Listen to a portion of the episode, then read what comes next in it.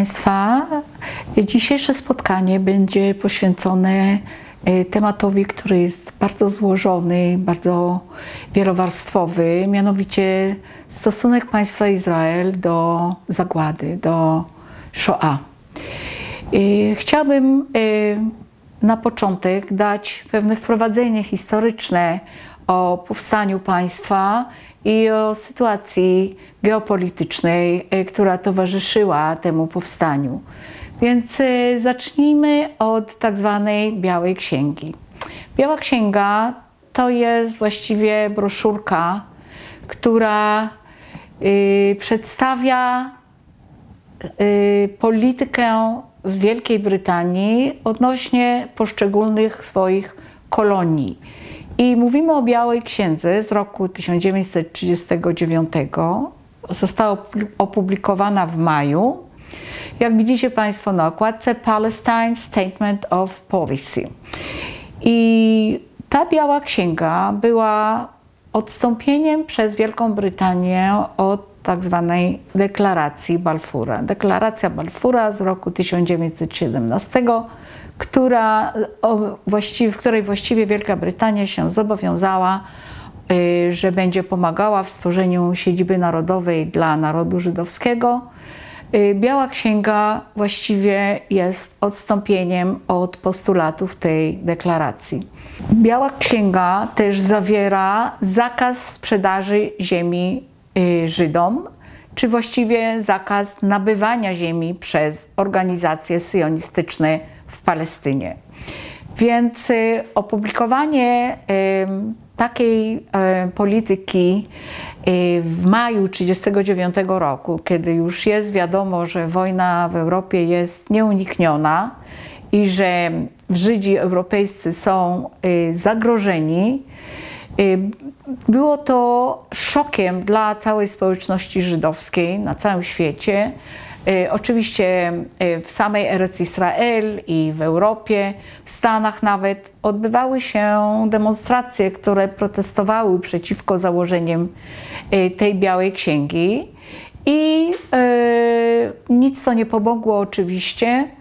I nie tylko, że nie pomogło, ale też po zakończeniu II wojny światowej Brytyjczycy nie odstąpili od tej polityki, która została zawarta w Białej Księdze w roku 1939. Powodów e, było wiele, ale najważniejszym powodem już w samym roku 1939 było to, że Brytyjczycy chcieli sobie zaskarbić przychylność e, państw arabskich właśnie w związku z zbliżającą się wojną. Ta sytuacja nie zmieniła się po e, roku 1945 nadal y, najważniejszymi sojusznikami dla Brytyjczyków na Bliskim Wschodzie były jednak państwa arabskie, które y, zdecydowanie były przeciwko powstaniu państwa żydowskiego.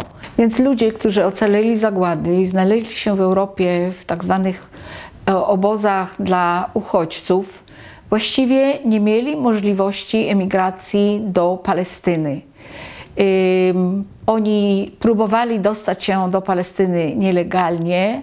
Bardzo wiele statków próbowało przybić do brzegów e, Palestyny, e, wysadzić tych e, uchodźców w nocy, przejąć ich, jakoś umieścić ich w różnych miastach, wsiach, kibucach, ale 90% tych statków została przechwytana przez brytyjską marynarkę wojenną i stworzono nawet obozy dla uchodźców y, na Cyprze. Y, było to bardzo niefortunne, że y, ludzie, którzy przeżyli piekło obozów koncentracyjnych, nagle znaleźli się na Cyprze znowu w obozie, który był otoczony drutem kolczastym.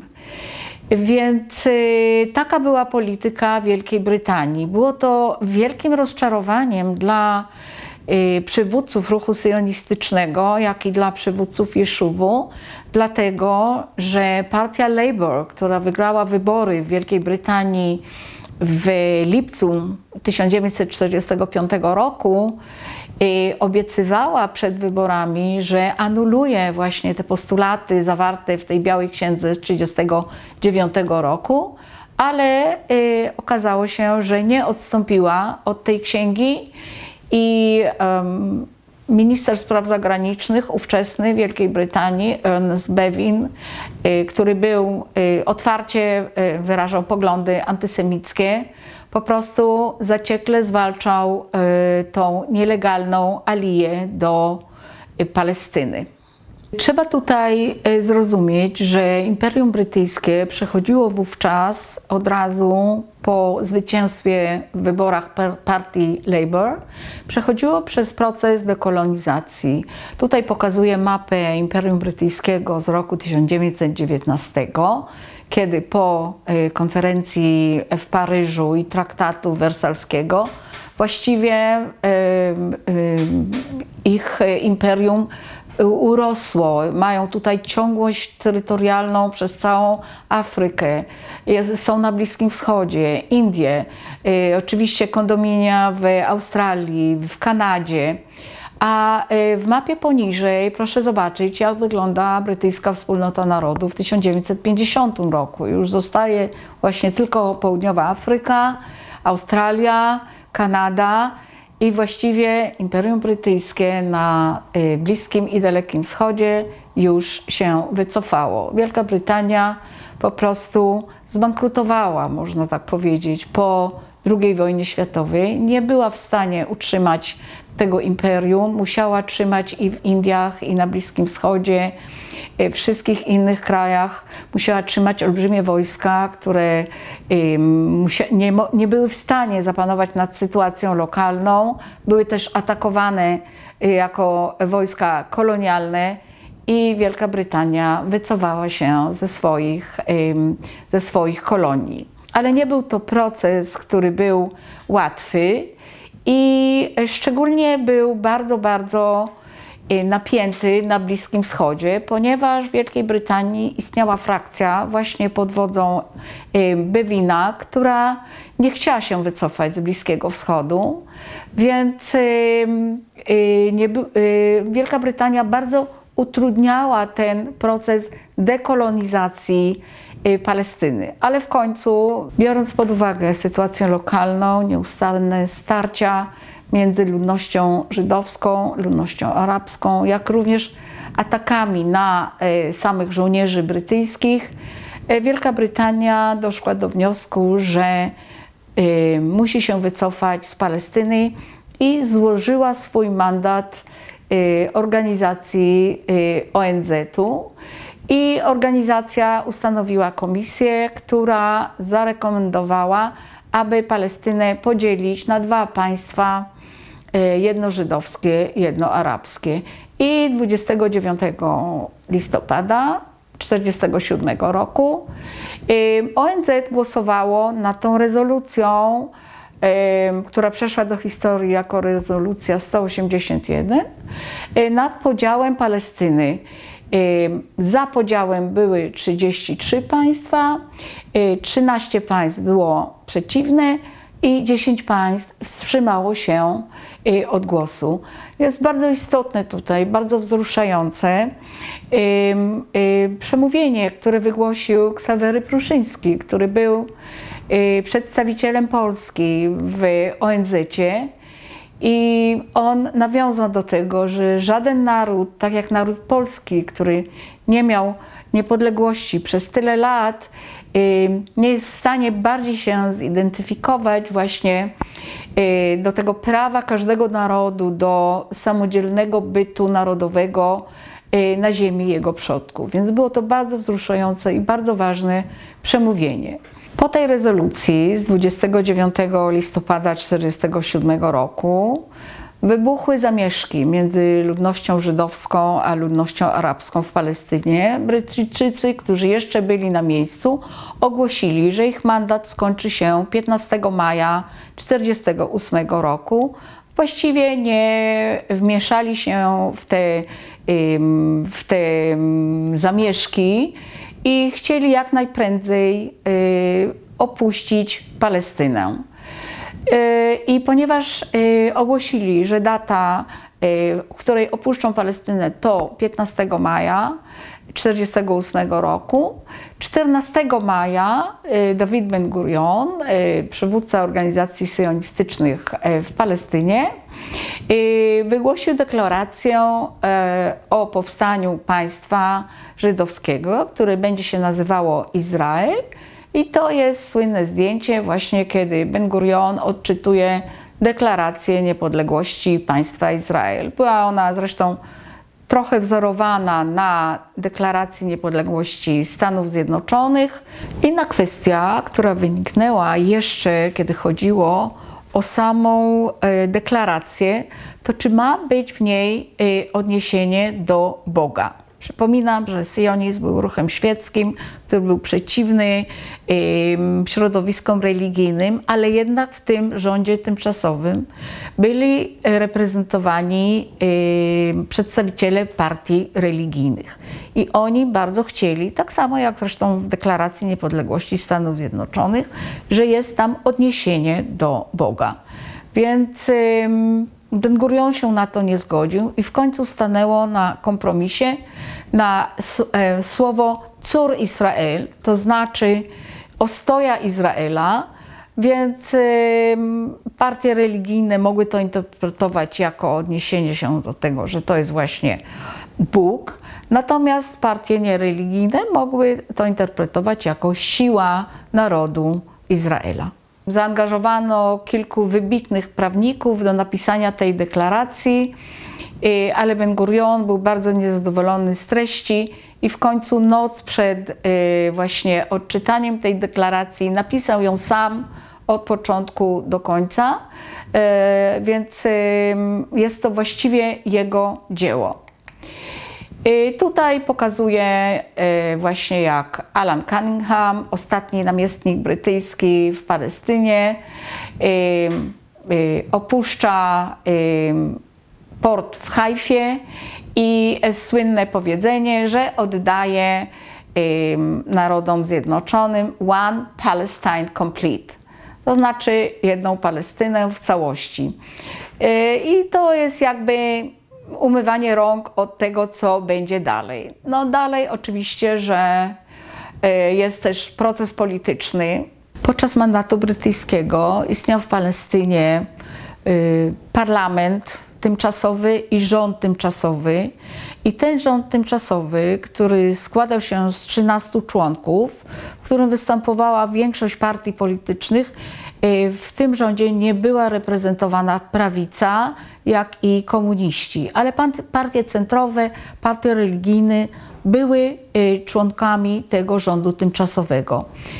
I kilka dni przed ogłoszeniem niepodległości właściwie trzeba było zadecydować, czy ogłosić tą niepodległość, czy nie.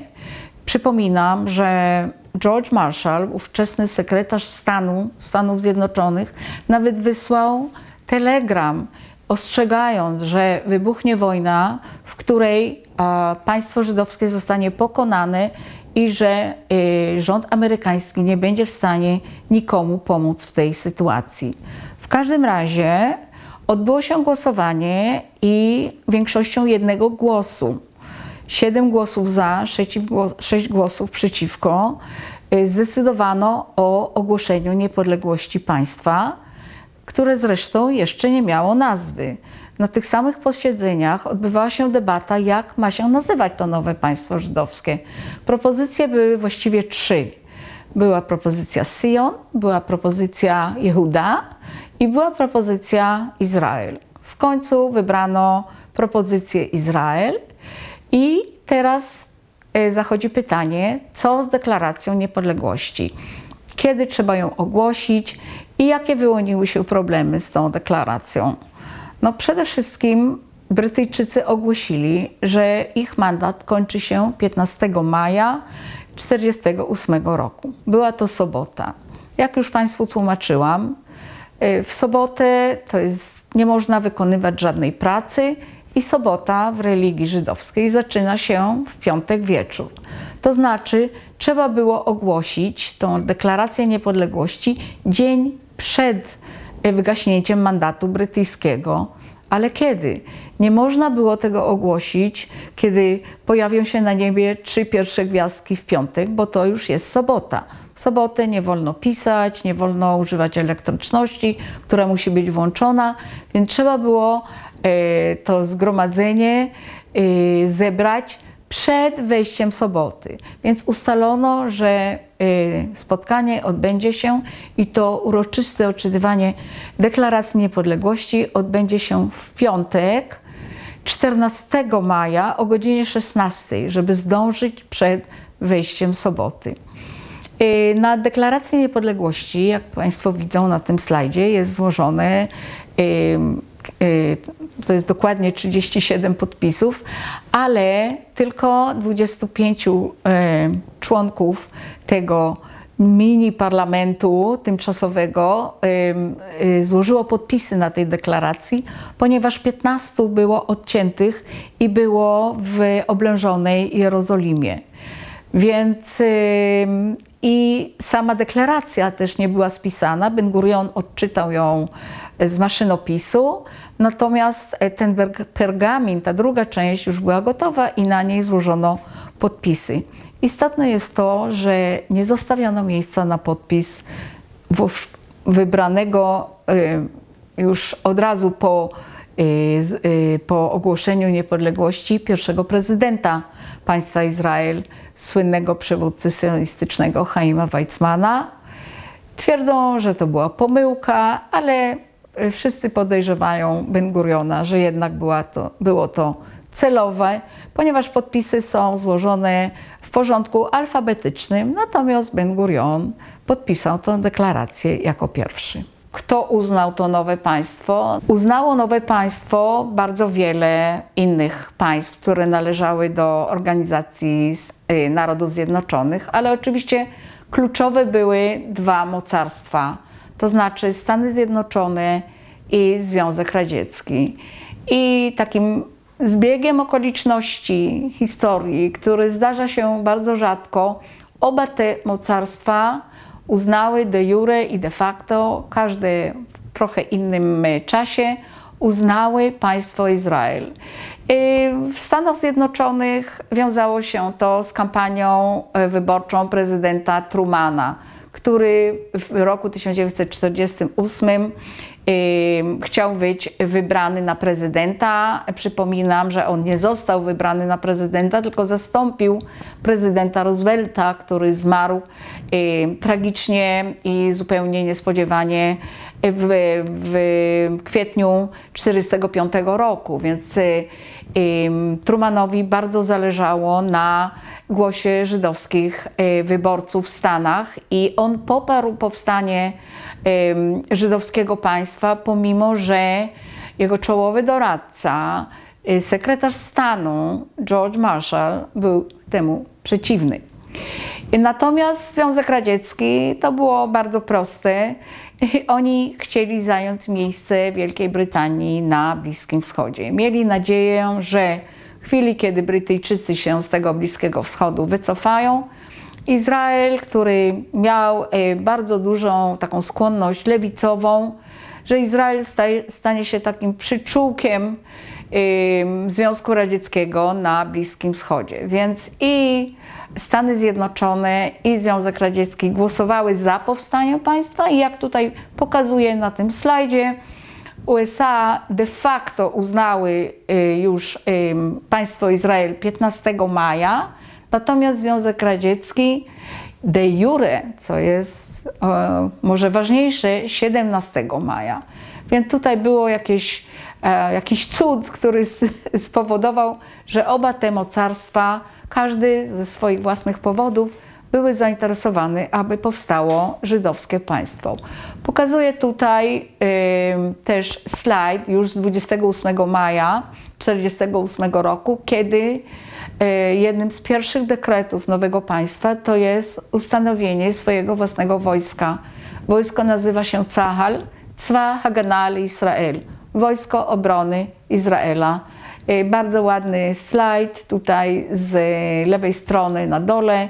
Dawid Ben Gurion y, z przywódcami Palmachu, który stał się częścią wojska izraelskiego i jest na tym slajdzie i Igal Alon, y, ten drugi z prawej i nawet młodziutki Itzhak Rabin, który, sto, który stoi za, za Ben Gurionem. Pokazuję tutaj, jaka była propozycja podziału. Z lewej strony widzimy mapę mandatu brytyjskiego w Palestynie, a mapa podziału pokazuje, jak to państwo miało być podzielone. Więc e, oczywiście podzielono to wedle zagęszczenia ludności. Tę, tą, tą część żydowską, która jest w kolorze takim ym, cynobrowym, i ta część żółta, gdzie większość e, ludności była ludnością arabską. Jak widzicie, ma to bardzo dziwny kształt. Y, ponieważ y, te, te, te, te dwa państwa nie mają właściwie ciągłości granic. Ale oczywiście była to tylko propozycja. Na dobrą sprawę wybuchła wojna już y, na zajutrz po deklaracji niepodległości, po 15 maja. Pięć państw arabskich wypowiedziało wojnę temu nowemu państwu, państwu Izrael. I te państwa swoimi regularnymi wojskami zaatakowały Izrael. Znaczy były to Egipt, była to Jordania, Syria, Liban, Irak. I ta wojna trwała mniej więcej do początku roku 1949 i zakończyła się właściwie podpisaniem umów o zawieszeniu broni. Nigdy nie podpisano z państwami arabskimi do roku 1977 nie podpisano umów pokojowych. I tutaj e, z prawej strony jest słynne zdjęcie, e, które się nazywa zdjęcie atramentowej flagi, dlatego że ostatni punkt, który zdobyły wojska izraelskie już nad Morzem Czerwonym, dzisiaj to jest miasto Y, Eilat, więc y, wojska zdobyły ten punkt i nie miały flagi, więc y, z prześcieradła i atramentu wykonano flagę i tutaj na takim wysokim maszcie zawiesza ją taki żołnierz, który zresztą potem będzie generałem w, w armii izraelskiej, Abraham Adan. I teraz kraj y, znajduje się w sytuacji, kiedy i prowadzi wojnę, i z drugiej strony y, ci wszyscy ludzie, którzy są stłoczeni w tych y, obozach dla uchodźców i w Europie, i na Cyprze, przybywają do nowego państwa. Na dodatek Żydzi muszą się ratować ucieczką z krajów arabskich. I drogą powietrzną, na przykład z Iraku w tych y, latach, w roku 48, 49, y, trzeba przetransportować całe żydostwo z Iraku, około 120 tysięcy ludzi, całe żydostwo z Jemenu, około 30 tysięcy ludzi y, itd., itd. Więc nagle są olbrzymie fale emigracji i niestety nie ma gdzie tych ludzi umieścić. Tutaj trochę demografii. Kiedy wybucha II wojna światowa, Iszów liczy sobie 450 tysięcy ludzi. To znaczy żydowska społeczność Palestyny to jest 450 tysięcy ludzi. Notabene 40% Y, tych y, ludzi pochodzi z Polski, ponieważ z Polski były olbrzymie fale emigracji do Palestyny w latach 20. i latach 30. Y, więc, ale kiedy wybucha wojna o niepodległość, Juszów liczy sobie 650 tysięcy ludzi, dlatego że podczas wojny, a szczególnie po wojnie, właśnie w ramach tej nielegalnej alii, dotarło do Palestyny dodatkowe 200 tysięcy Żydów, którzy ocaleli zagłady. Więc populacja Izraela w roku 1948 to 650 tysięcy ludzi, natomiast w ciągu następnych trzech lat ona się podwaja i nie ma możliwości, żeby zapewnić tym ludziom miejsc zamieszkania, miejsc pracy, y, należytej oświaty i kraj boryka się ze straszliwymi y, trudnościami gospodarczymi. Więc z jednej strony musi e, bronić granic, e, prowadzi wojnę, z drugiej strony musi e, zająć się problemem tych nowych olim. Ole, jak przypominam, Alija to jest wejście w górę. Nowy emigrant do Ziemi Świętej nazywa się Ole w liczbie mnogiej Olim. Więc e, lokuje się tych ludzi w namiotach, w barakach, w różnych prowizorycznych e, obozach. I jak widzicie tutaj Państwo, e, warunki są straszne. Nie ma wody bieżącej. Na pewno nie ma elektryczności, ale jest olbrzymi zapał ze strony miejscowej ludności, żeby tych uchodźców jednak wcielić społeczeństwo izraelskie, pomóc im. I tutaj widzimy bardzo ładne zdjęcie tu z prawej na dole. Izraelska żołnierka, która właśnie prowadzi lekcje gimnastyki z takimi dziećmi y, z tego obozu y, dla, dla nowych y, emigrantów. Teraz mapa polityczna Izraela. Ben Gurion stoi na czele partii Mapai, która jest taka lewica centrum. E, I ta partia nigdy nie ma większości w parlamencie. Zawsze musi tworzyć rządy e, koalicyjne, znaczy z innymi partiami, bądź to partiami lewicy lub partiami, partiami centrum. Izraelski parlament, Knesset, e, jest jednoizbowy, posiada 120 członków. I Partia Pracy w największym, w okresie swoich największych sukcesów wyborczych e, zdobywała 46 miejsc w tym parlamencie, 46 mandatów. Drugim przywódcą e, takiej partii prawicowej, która jest bardzo przeciwna e, partii pracy, to jest Menachem Begin. Menachem Begin, który podczas rządów e, brytyjskich był przywódcą podziemnej organizacji ECEL, Irgun Tzwa'i Leumi Y, jak widzicie, jest to organizacja, która ma e, jako swój symbol rękę, która dzierży karabin i jeżeli spojrzycie na mapę, to ta mapa zawiera oba brzegi Jordanu. To znaczy, że oni uważają, że to, co ta obecna mapa Izraela, która jest tylko z jednej strony rzeki Jordan, jest to mapa niewłaściwa. Powinna ona zawierać ze sobą też Transjordanię.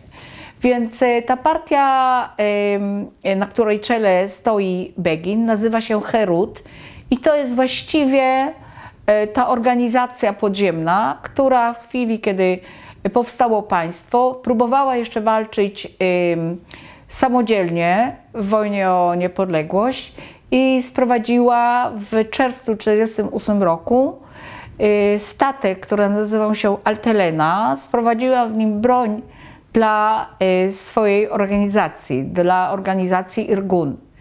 Y, ben Gurion zażądał, aby broń została przekazana wojsku izraelskiemu, które już, jak przypominam, zostało stworzone w 28 maja 1948 roku ale Begin odmawia przekazania tej broni. I wtedy Ben Gurion wydaje rozkaz zatopienia statku Altelena. I tutaj widzimy, jak u wybrzeża Tel Awiwu z armaty statek zostaje, która stoi na brzegu, statek zostaje zatopiony.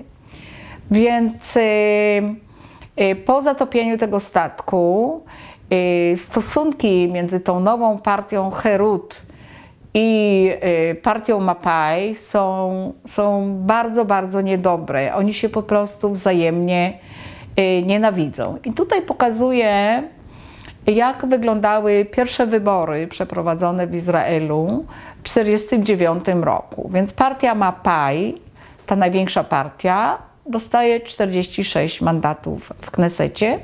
Partia Mapam, bardzo lewicowa, dostaje 19. Partie religijne, 16, a Herut, ta nowo powstała partia y, tego poprzedniego y, Irgunu, dostaje 14 y, mandatów. Syjoniści ogólnie, taka centrowa partia dostaje 7 mandatów. Ale następne wybory w roku 51 Mapaj dostaje 45 mandatów, Syjoniści ogólni zwiększają swoją siłę do 20. Mapam, ta bardzo skrajnie lewicowa partia, jednak dostaje już mniej, a Herut spada z 14 mandatów do 8. Komuniści nagle nieoczekiwanie zyskują 5 mandatów. Więc taka jest sytuacja polityczna w tym okresie, kiedy w Izraelu y, właściwie na czele wiadomości naj, naj, naj, największe y, zamieszanie w polityce izraelskiej y, właściwie do dziś dnia to jest sprawa odszkodowań niemieckich. Krótkie spojrzenie na tak zwaną sytuację geopolityczną w roku 1952, kiedy wybucha w Izraelu ta boląca sprawa odszkodowań niemieckich. Świat jest e, w toku, e, czy nawet e, u szczytu tak zwanej zimnej wojny.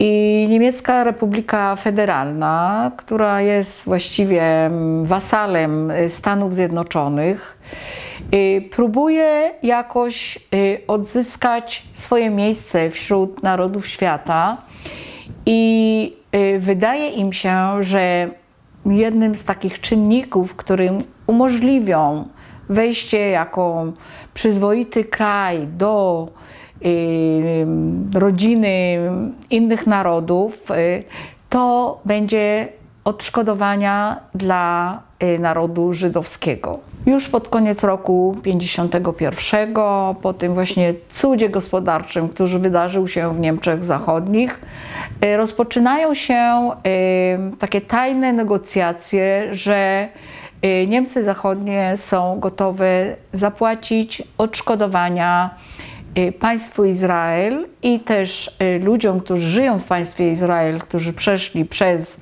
obozy, którzy zostali wyrzuceni z Niemiec, którzy stracili swój dobytek, którzy stracili swoją pracę, swoje zatrudnienie. I, yy, Izrael tutaj staje przed olbrzymim dylematem.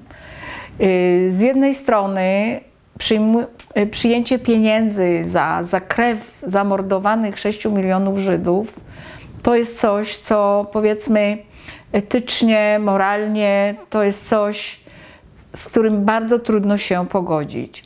Z drugiej strony, y, kraj boryka się z olbrzymimi y, trudnościami. Nie ma właściwie żadnych środków, żeby dla tych nowych emigrantów zbudować domy, żeby dla, znaleźć dla nich zatrudnienie, żeby sfinansować wojsko, które jednak cały czas walczy o obronę granic państwa. Więc i z drugiej strony, właściwie dlaczego Niemcy nie miałyby płacić y, odszkodowań za, za tą straszną zbrodnię? Przecież po y, I wojnie światowej ustanowiono, że Niemcy za zniszczenie Francji, za szkody, które wyrządziły w Belgii i wszystkim wojskom alianckim zapłacą olbrzymie odszkodowania.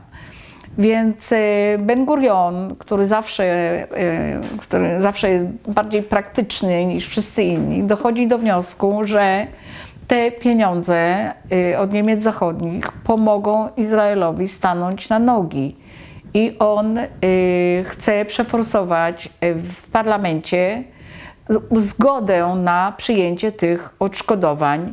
Tutaj widzimy Ben Guriona i ówczesnego kanclerza Niemiec Zachodnich, Konrada y, Adenauera, którzy w toku tych rozmów nawet się osobiście zaprzyjaźnili.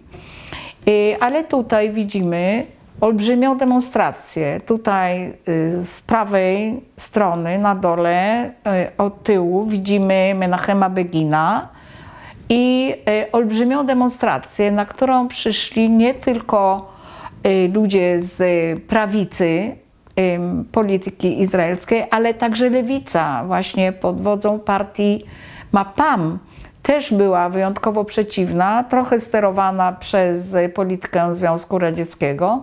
Także Ben Gurion był atakowany za, za, to, za ten pomysł przyjęcia odszkodowań e, z Niemiec zachodnich. Był atakowany i z prawicy, i z lewicy. Były zamieszki. Ten tłum poszedł na, do budynku parlamentu e, i próbował go e, sforsować. Także były to największe zamieszki polityczne w dziejach Izraela po wsze czasy. Lewica wystąpiła tak ostro przeciwko mm, odszkodowaniom z Niemiec, dlatego że ona też miała pewnego rodzaju porachunki z rządzącą partią Mapai. Lewicy przywodziła partia Mapam, która w wyborach w 1949 roku zdobyła 19 y, mandatów w Knesecie, co jest y, bardzo wysoką liczbą ale ta partia miała porachunki z samym Ben Gurionem, który już w roku 1948, zanim jeszcze się skończyła wojna o niepodległość, rozwiązał Palmach. Już opowiadałam Państwu, jaką y, właściwie organizacją była Palmach. Y, ben Gurion bardzo się obawiał tego, że większość dowódców Palmachu, którzy mieli poglądy lewicowe, że oni zajmą kluczowe stanowiska w armii izraelskiej i dlatego rozwiązał Palmach, aby odsunąć tych potencjalnych dowódców od kierowniczych y, stanowisk w armii Izraela. I lewica faktycznie w roku 51 zdobyła o cztery mandaty mniej. I dlatego lewica też zaciekle atakowała tą kwestię odszkodowań y, z Niemiec i też miała nadzieję, że w następnych wyborach na tle y, powiedzmy tej straszliwej rany, która utworzyła się y, w społeczeństwie izraelskim, ona też będzie mogła zdobyć więcej głosów w wyborach powszechnych w roku 55. Trzeba tutaj zaznaczyć, że partia MAPAM jednak nie odbiła się y, elektoralnie i w wyborach w roku 55, jak widzicie Państwo na tym slajdzie, dostała tylko 9 mandatów i od tego czasu jej pozycja cały czas słabła. Y, jakby nie było, Ben Gurion jednak postawił na swoim umowę o odszkodowaniach parlament izraelski przyjął i y, ta umowa właściwie podzieliła społeczeństwo izraelskie, bo nawet ludzie, którzy nie byli, e, y, nie, nie, bo nawet ludzie, którzy nie należeli do partii prawicowych, y, mieli mieszane uczucia w stosunku do tej decyzji. I wtedy partia Herut, która odniosła klęskę elektoralną w roku 1900 51 zdecydowała się, że powinna y, użyć tego tematu odszkodowań z Niemiec, żeby się odbić w następnych wyborach. I faktycznie tak się stało. Partii Herut udało się y, zagospodarować tak zwany proces Kastnera i wykorzystać y, ten proces dla swoich y, celów politycznych. Może tutaj wprowadzę ten temat, y, proces Kastnera, który w roku 53-54 po prostu wstrząsnął społeczeństwem izraelskim i właśnie na tle tych odszkodowań z Niemiec. W roku 1950 przyjęta została w Izraelu ustawa o karaniu nazistów i ich pomocników, która była zresztą wzorowana na istniejącym już ustawodawstwie europejskim. I ustawa obejmowała zarówno nazistów, jak i obozowych kapo. Mimo wielkiego sprzeciwu izraelskich intelektualistów i głosów e, opozycji, że należy odróżnić hitlerowca od kapu, który czasami nie miał innego wyjścia, aby przetrwać i że wysoce niewłaściwe jest sądzenie tych, którzy przeżyli piekło, przez tych, którzy tam jednak nie, by, nie byli. Primo Levi wręcz napisał: Nikt, kto nie przeżył obozu, nie ma prawa oskarżać. Ustawa jednak przeszła w izraelskim parlamencie pod hasłem, że nie zapomnimy i nie przebaczymy. Oczywiście wówczas nikt nie zastanowił się nad dylematem, czy powszechny strach i okrucieństwo łagrów wyzwalały najgorsze instynkty yy, w ludziach i czy raczej straszliwe warunki skazywały z góry na moralną yy, degradację. Ustawa była tym bardziej niesprawiedliwa, bowiem jej ostrze było skierowane przeciwko tym małym. Nie dotykała starszyzny żydowskiej, tak zwanych judenratów, która z konieczności musiała współpracować z Niemcami. W latach 50. Y, do procesu Eichmana odbyło się około 40 procesów pomocników nazistów w Izraelu. Y, to, co przy okazji wyszło na jaw, y, rozmiary, upodlenia, bestialstwo życia obozowego, wszystko to pozostało w archiwach i nigdy nie stało się przedmiotem powszechnej refleksji w Izraelu. Oskarżani byli oczywiście wyłącznie Żydzi, którzy przybyli do Izraela. Żadnemu z nich w sądzie nie udowodniono spowodowania śmierci współwięźnia. Yy, więc sędziowie na szczęście zachowali się rozsądniej niż ustawodawcy i prawie żaden z tych oskarżonych nie trafił do więzienia. Sprawa tych pomocników nazistów przybrała jednak nieoczekiwany obrót, kiedy w roku 1953 yy, ocalały z Węgier 70-letni Malkiel Greenwald oskarżył doktora Izraela Rudolfa Kastnera sionistycznego przywódcę Judenratu w Budapeszcie o kolaborację z nazistami i odpowiedzialność za zagładę 400 tysięcy węgierskich Żydów. Dr Kastner w owym czasie, e, już jako członek rządzącej partii Mapaj, był wysokim urzędnikiem państwowym, e, był rzecznikiem e, Ministerstwa Przemysłu kandydował do Knesetu w wyborach, które miały się odbyć w 1955 roku. I dr Kastner, właściwie nie on, a państwo Izrael, pozwało Greenwalda do sądu o zniesławienie. Jednak w toku rozprawy to właśnie Kastner znalazł się w roli oskarżonego i dlatego proces przeszedł do historii jako proces Kastnera, mimo że on był w tym procesie jedynie świadkiem. Więc sędzia e, w tym procesie, sędzia Benjamin Halevi, uniewinnił e, Malkiela Greenwalda od zarzutu zniesławienia i określił Kastnera jako człowieka, który sprzedał duszę diabłu. W proces sądowy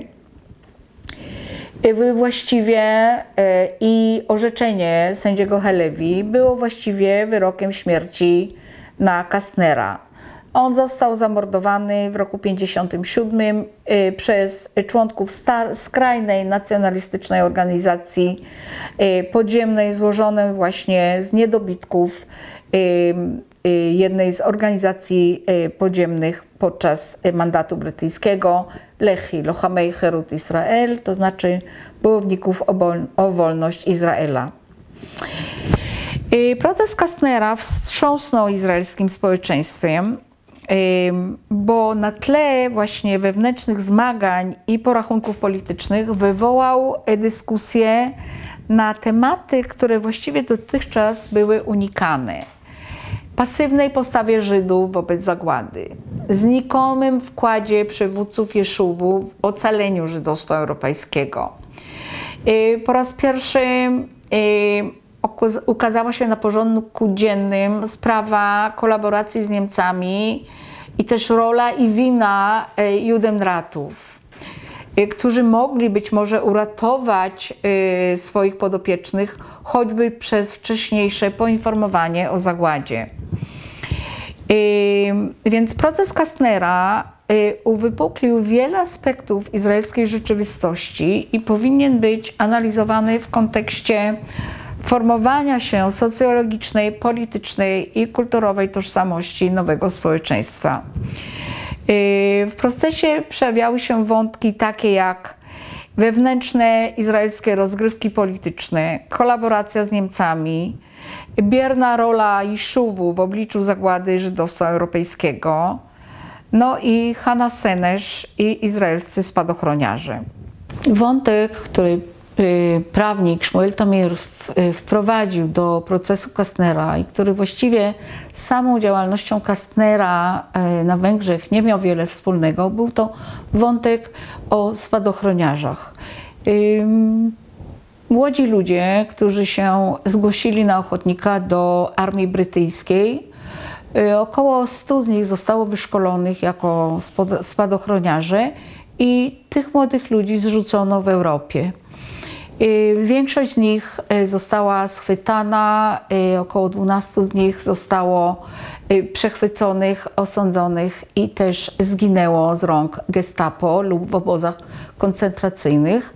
Ale jedna z tych postaci stała się bohaterką narodową. Młoda, piękna dziewczyna, Hanna Senesz, która w roku 1939 y, przybyła do Palestyny i właśnie zgłosiła się na ochotniczkę do armii brytyjskiej. Ona pochodziła z Węgier, więc została zrzucona na Węgrzech i tam y, schwytana przez gestapo, y, była torturowana i w końcu została stracona w listopadzie 1944 roku. Jej matka, która była w Budapeszcie, zwracała się kilkakrotnie o pomoc do Kastnera, żeby uwolnił Hanę. Oczywiście Kastner nie miał na tą sprawę żadnego wpływu, ale Y, sprawa Hany Senesz, jej męczeństwa, jej postaci jako bohaterki narodowej, wówczas bardzo popularnej w Izraelu, bo okazało się, że była ona poetką i do jej y, wierszy y, dokomponowano muzykę, stała się sławna. Oczywiście stała się wzorcem do naśladowania dla, dla młodzieży izraelskiej. Więc to, że Kastner perfidnie nie pomógł, aby uwolnić Hanę Senesz, stał się z jednym z głównych punktów oskarżenia przeciwko niemu, ale oczywiście, że nie miało to z samą tragedią żydostwa węgierskiego, czy pociągiem ocalonych, które organizował Kastner, czy w ogóle jego negocjacji z Eichmannem, nie miało to wiele wspólnego. Israel Rudolf e, Kastner, e, który urodził się w mieście Klucz, ale potem po aneksji Transylwanii do Węgier przeniósł się do Budapesztu.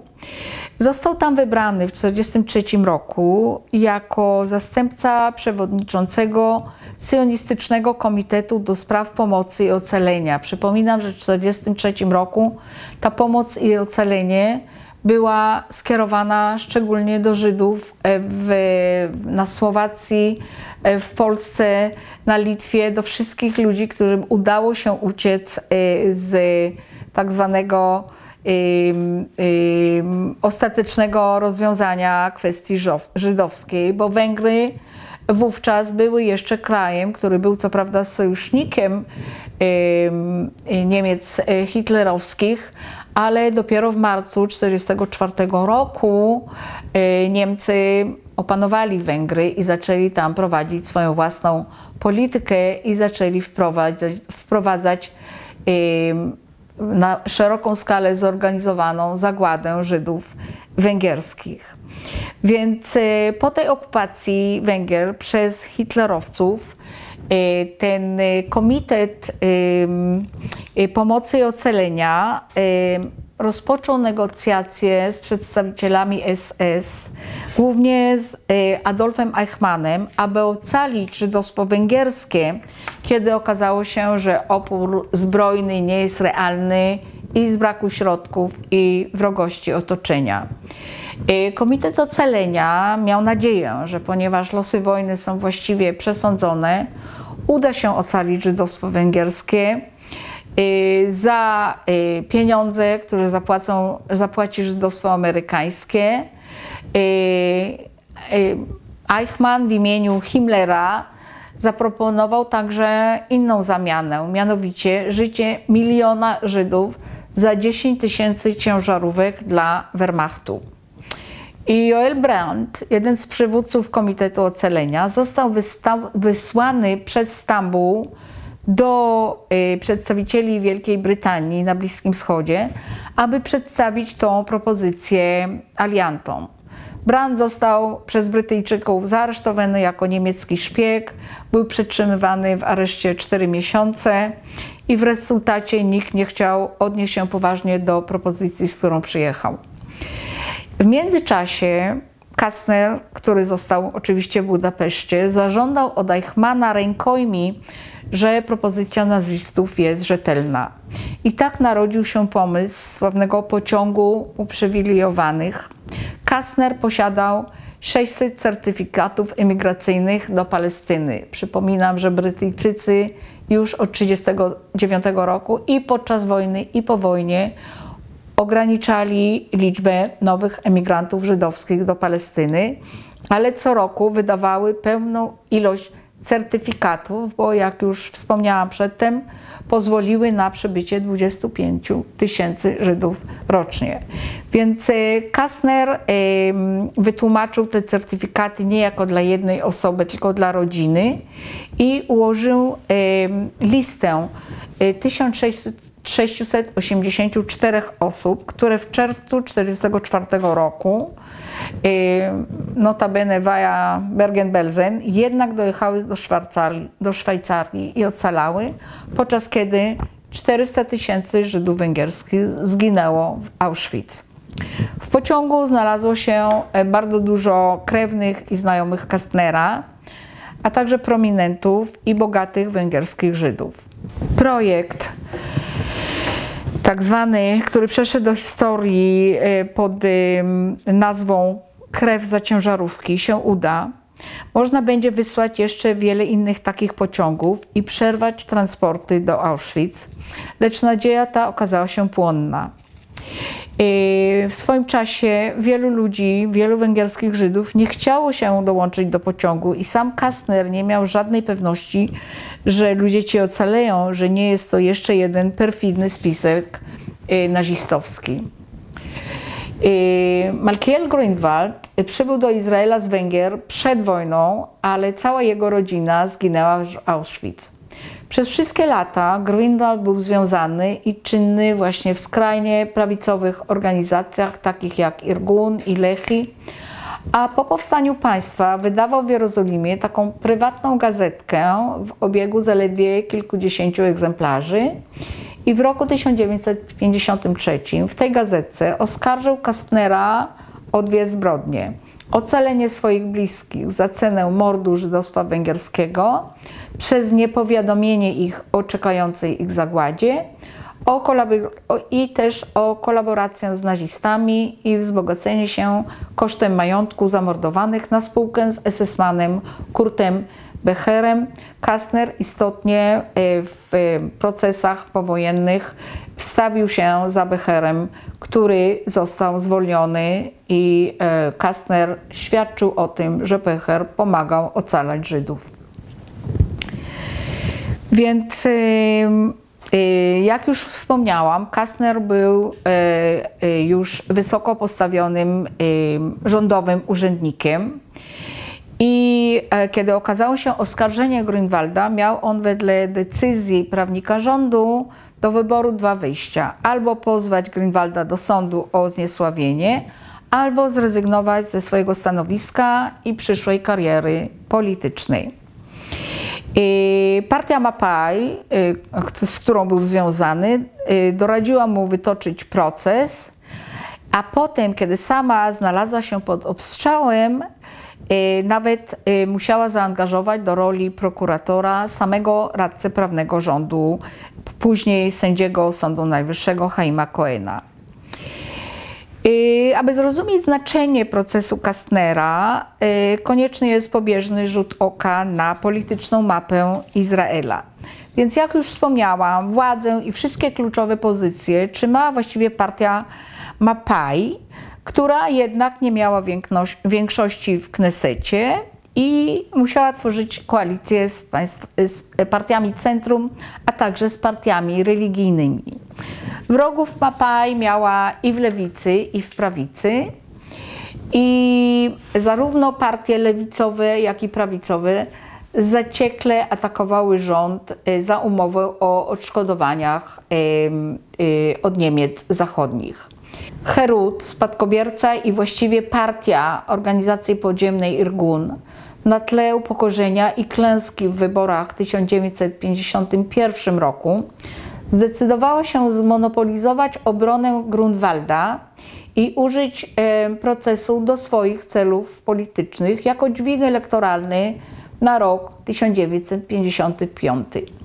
Młody prawnik Shmuel Tamir, były członek Irgunu, podjął się obrony Grunwalda i błyskotliwie wręcz e, obrócił proces w atak na samego Kastnera, ale przede wszystkim na rządzącą partią Mapai i rolę jako jej przywódcy odegrali podczas II wojny światowej. Oskarżył partię Mapai o obojętność na los żydostwa europejskiego, za bezczynność, a propozycja, którą przywiózł Joel Brand, tak zwane życie za ciężarówki, krew za ciężarówki, która nie została wykorzystana, stała się osią jego oskarżenia.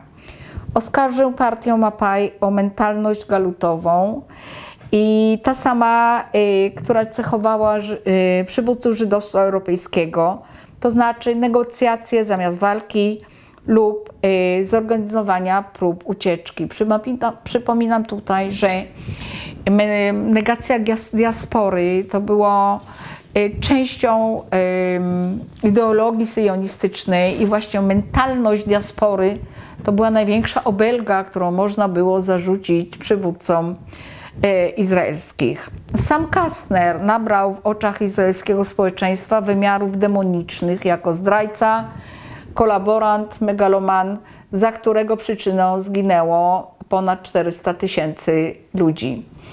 E, sędzia Benjamin Halevi, urodzony i wychowany w Niemczech, też o przekonaniach prawicowych, uniewinnił Malkiela Grünwalda. Proces Kastnera też zasługuje na specjalną uwagę przez powiązanie do literatury światowej, którą użył sędzia Halevi. E, powiązania te odeszły od litery prawa i głównie przyczyniły się do właśnie jednowymiarowej, ówczesnej oceny Kastnera jako demonicznego zdrajcy i w rezultacie wydanie nań e, wyroku śmierci przez skrajną prawicę bo sędzia Halewi użył dwóch kluczowych metafor europejskiej kultury. Y, jedna to jest metafora konia trojańskiego, to znaczy, że w chwili, kiedy y, Kastner przyjął od Eichmana ten podarunek w postaci pociągu, właściwie sprzedał swoją duszę diabłu, to znaczy sprzedał duszę Eichmanowi.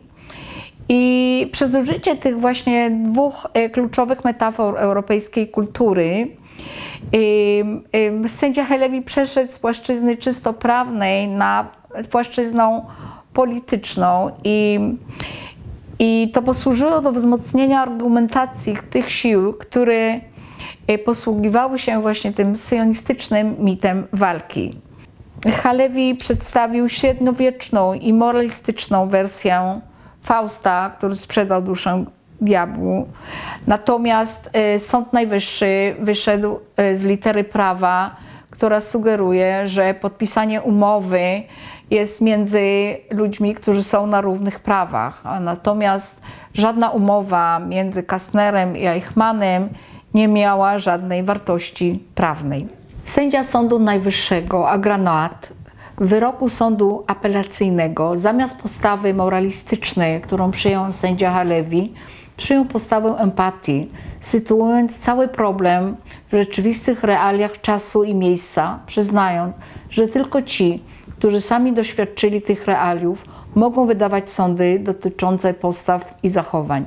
Więc reasumując, jak oceniamy dziś y, postać Kastnera? Na pewno nie jednowymiarowo, ale na pewno też nie w tej postaci demona, e, jakim go przedstawił sędzia Halewi w swoim e, wyroku, który spowodował właściwie do tego, że Kastner został zamordowany. I trzeba też pamiętać, że w roku 1954 e, upłynęło zaledwie 10 lat od wydarzeń, Y, I to było zarazem czasem zarówno krótkim, jak i długim. krótkim, ponieważ rany były jeszcze świeże, a pamięć wydarzeń była odbierana na tle nowej rzeczywistości izraelskiej. Czasem długim, ponieważ nie istniało jeszcze oddalenie, które by umożliwiło analizę z perspektywy historycznej i bardzo dużo faktów jeszcze nie było wiadomych i miejsce tych faktów zajęła właśnie emocjonalna i bardzo osobista interpretacja wydarzeń przez świadków, zarówno świadków obrony, jak i świadków oskarżenia. Ale na pewno, jakbyśmy nie oceniali postaci Kastnera, można powiedzieć, że proces był od samego początku procesem politycznym, który toczył się o bieżące interesy poszczególnych partii i dlatego zostały wplecione do niego wątki, które nie miały z działalnością Kastnera wiele wspólnego. I omówiłam to szerzej, e, kiedy mówiłam o postaci Hany Senesz. Jakby nie było, na pewno partia Herut, która zainwestowała w jednego z swoich najlepszych prawników, Szmuela Tamira, jako odskocznię do wyborów w roku 1955 odniosło zwycięstwo, bo faktycznie pomimo, że spadła do liczby ośmiu członków Knesetu w wyborach w 1951 roku, w wyborach w 1955 dostała już 15 mandatów w Knesecie, natomiast Partia Pracy dostała o 6 mandatów mniej. Więc to była porażka dla Partii Pracy i zwycięstwo dla partii Herut, która zresztą z czasem cały czas przybierała na sile i w koalicjach z partiami centrum w końcu objęła władzę w Izraelu w roku 1977.